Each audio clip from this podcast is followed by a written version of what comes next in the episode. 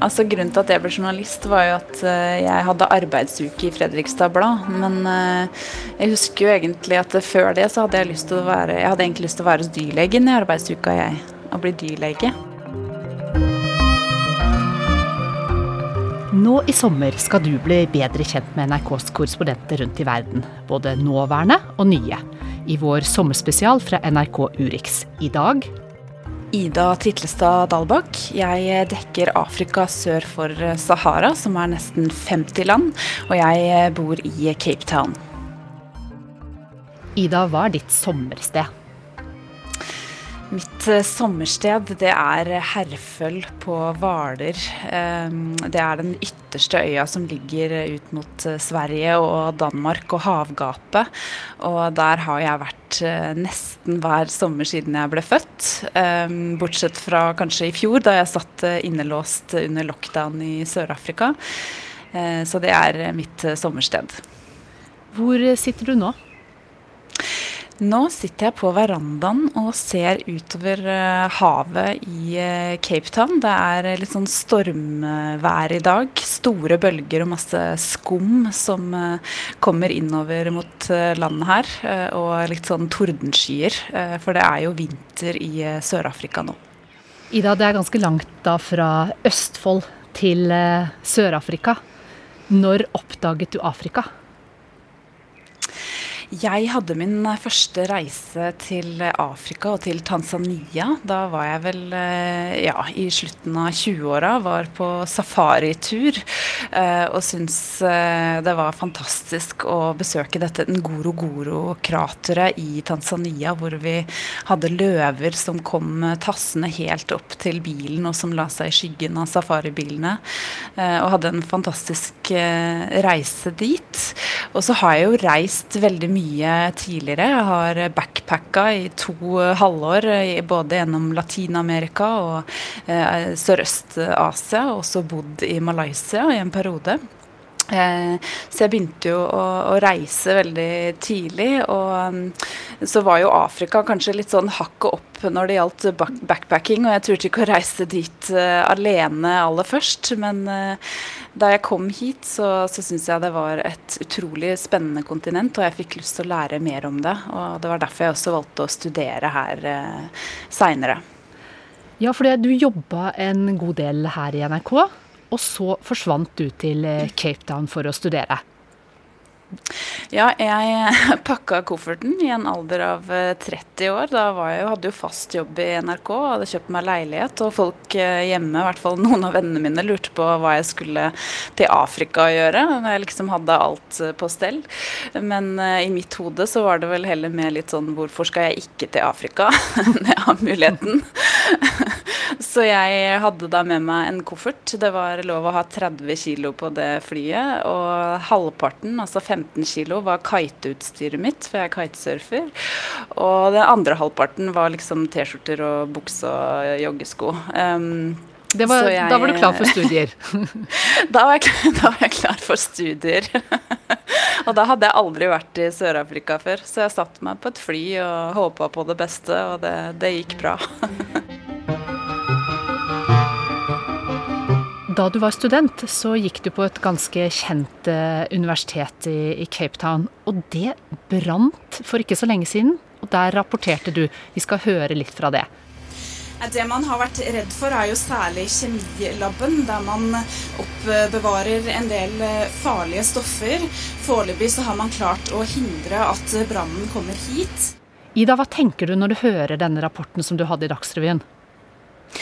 Jeg tenker på hvordan det var å stå der foran alle disse flammene med helikoptre som fløy over hodet mitt, og øh, oransje flammer og svart røyk som kom ut av vinduene på det universitetet som jeg hadde gått i, i tre år da, og studert her i Cape Town. Det var absurd å se biblioteket stå i fyr og flamme rett bak meg, og vi kom jo også veldig tett opp til. Vi sto bare noen meter unna.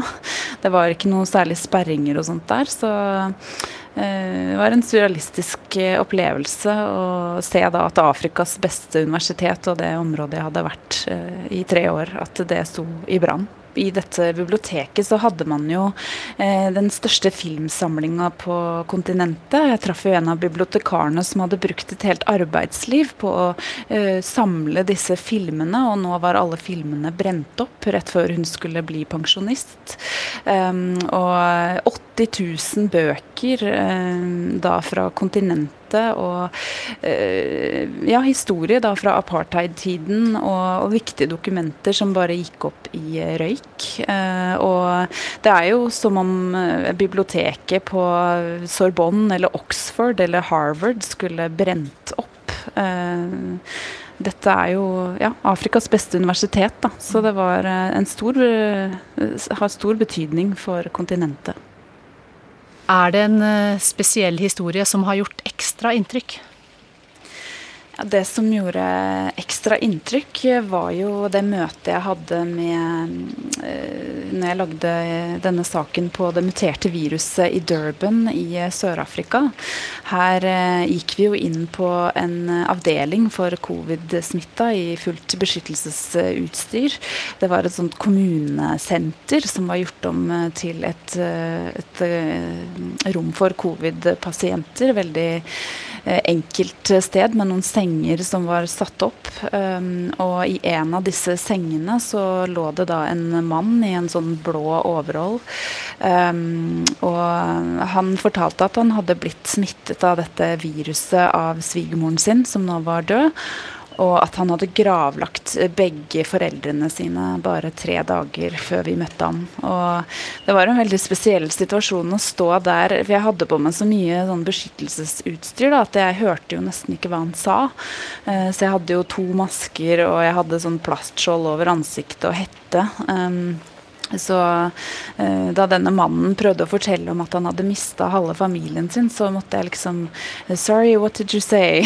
Can you repeat that? Eh, eh, og det var eh, veldig ja, spesielt da, eh, å, å, stå der i den situasjonen og, og, be denne mannen gjenfortelle liksom hva som hadde skjedd. Um, og så møtte vi jo sønnen hans utenfor, som hadde kjørt ham til sykehuset. Og som var veldig redd da, for å miste faren sin fordi han da hadde mista tre besteforeldre på eh, en ukes tid. Eh, og så kom vi da tilbake for å redigere denne saken tilbake i Cape Town. Og da sendte jeg da en SMS til denne sønnen eh, og spurte går det bra med faren din. Vi skal bruke intervjuet hans i, i saken nå. Og da fikk vi da SMS om at han var begravet uh, samme dag. Um, og det kom jo som et sjokk da på meg og Trygve som satt og redigerte dette intervjuet med, med faren. Og så bildet av han på skjermen foran oss, og så fikk vi denne beskjeden. Så det var uh, et spesielt og ganske brutalt møte med virkeligheten. Men som korrespondent, Ida, så kommer du tett på folks skjebner og historier. Hva gjør du for å bearbeide det du ser og hører? At det som fungerer fint for meg, er jo det å dele det med andre. Da jeg var i Malawi nå nylig, så reiste jeg med en fotograf som het eh, Eaton. Eh, og da snakka vi jo en del når vi kjørte bil mellom disse opptakene. Det er jo tøffe møter med, med mange, og man reiser jo dit for å fortelle sterke historier. Og da kommer man jo veldig nært på mennesker som man da også bare reiser fra, som man vet at man trolig aldri kommer til å se igjen. da. Um, og da syns jeg det er fint å kunne dele dette med, med, den man jobber sammen med, og med kollegaen, da, eh, eller fotograf som man er ute med. Um, så det, det er, fungerer fint for meg å, å snakke om det, og, og, også snakke med folk hjemme etter de turene jeg har vært på. Og så prøve å koble av når jeg har uh, vært på disse turene etterpå. Og du kobler sikkert av når du er hjemme i leiligheten, og jeg hører at det er litt sånn ekstra lyd i bakgrunnen hos deg nå, Ida. Hva er det som skjer egentlig? Nei, nå er det en uh, mann som står her og ordner med et svømmebasseng. Uh, han uh, driver og ja, drar av en sånn presenning. Jeg vet ikke helt hva han driver med. Man vet aldri hva som skjer, og jeg har skjønt at du får deg av og til en overraskelse når du skal rapportere på direkten, for pga. sikkerhetssituasjonen så kan jo ikke du ta med kamera hvor som helst og stelle opp i byen, men da blir det jo gjerne sånn at man rapporterer fra der man bor når det er noe som, som skjer der og da. Og da har jeg forstått at du har hatt litt artige opplevelser. Ja, ja, jeg hadde en episode her med eh, naboen min, som er eh, nigerianer. Han heter King. Eh, og han eh, Ja, han har en sånn der svart silkeslåbrok da, hvor det står King i gule bokstaver bak på ryggen. Og da jeg skulle gå live her under Nobel, siste nobelprisutnevnelsen, eh, så sto jeg da klar på verandaen, og så gjorde jeg et sånn siste gløtt over skulderen. da. For å se om eh, det var noe bak meg, for det gjør jeg liksom alltid. Og, og da så jeg at naboen min sto i boksershortsen ute på verandaen sin. Rett i liksom Ja, rett i linsa mi, holdt jeg på å si. Det syntes i hvert fall på, på skjermen. Um, og så begynner jeg liksom å vinke, da. Og så sånn King, du må flytte deg, liksom. You have to move. Uh, I'm on TV in like 30 seconds. Og så ser jeg King forsvinne bort, og så kommer han tilbake i silkeslåbroken sin. Og jeg liksom bare Nei, nei, nei, jeg skal snakke om World Food Program, liksom, og fattigdom i Afrika. Du kan ikke være der nå. Og da fikk jeg liksom endelig han bort fra skjermen, og da hørte jeg i regien fra Oslo ja, jeg ser at uh, naboen din har uh, Han er godt trent. For de hadde jo sett han i boksershorts. Så han forsvant liksom 20, 20 sekunder da, før jeg skulle snakke om Verdens matvareprogram. Man vet aldri hva som skjer i Afrika, med andre ord. Nei.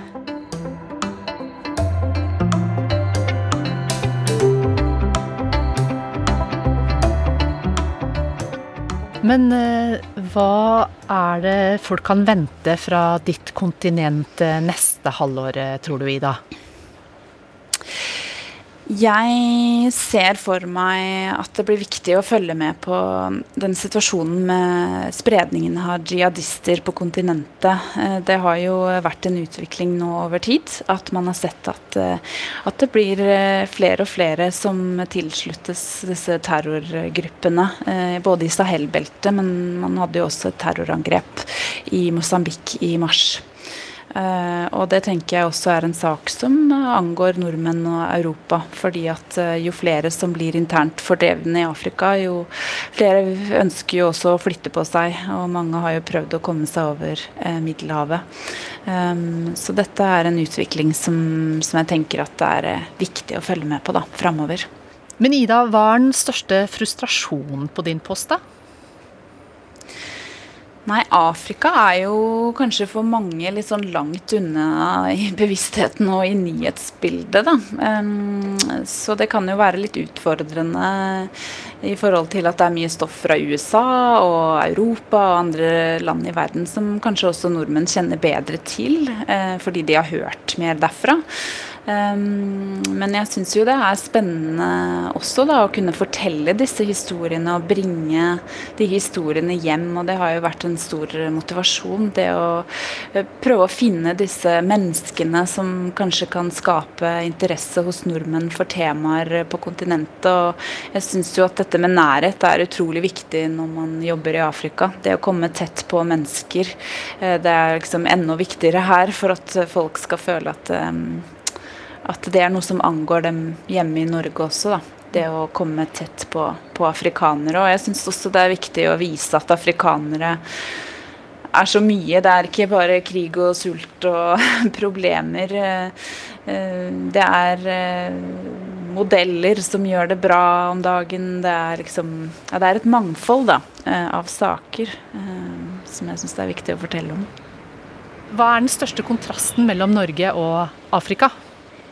Det man opplever veldig ofte, er jo det at folk kommer veldig seint. Og det med African time, det er ikke bare noe folk sier. Ja, det er veldig er det reelt. Hva er det for noe? Nei, African time er jo litt sånn jeg kommer når jeg kommer, på en måte. Så da jeg var i Malawi nå, så hadde jeg jo lagt en, en plan for opptakene mine. Det må jeg jo gjøre når jeg skal på tur. Um, og da eh, var det da hvor vi sto opp klokka fem om morgenen på bursdagen min og kjørte da i fire timer til en by ved Lake Malawi. Kom fram, skulle intervjue to damer der.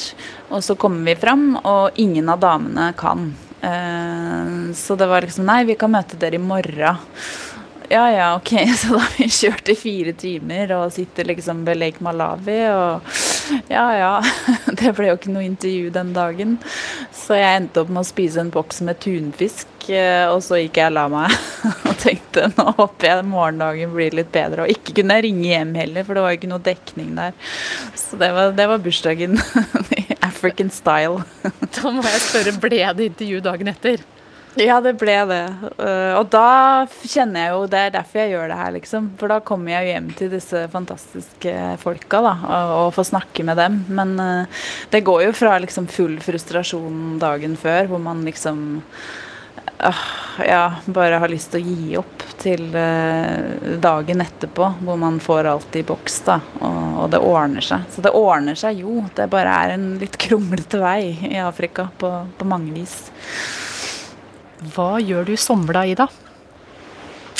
Ja, Det har jeg ikke helt bestemt meg for, fordi det er så mange forskjellige sånne karanteneregler. Så jeg, jeg vet ikke helt ennå om jeg skal til Norge, for da kan hende jeg må sitte sju-åtte dager på sånn hotell. Eh, men jeg skal ha ferie. Eh, så om det blir eh, herføl og myggstikk og måkeskrik, det, det, vet jeg ikke ennå. Men uh, ferie skal det bli, så får vi se. hvordan restriksjonene er.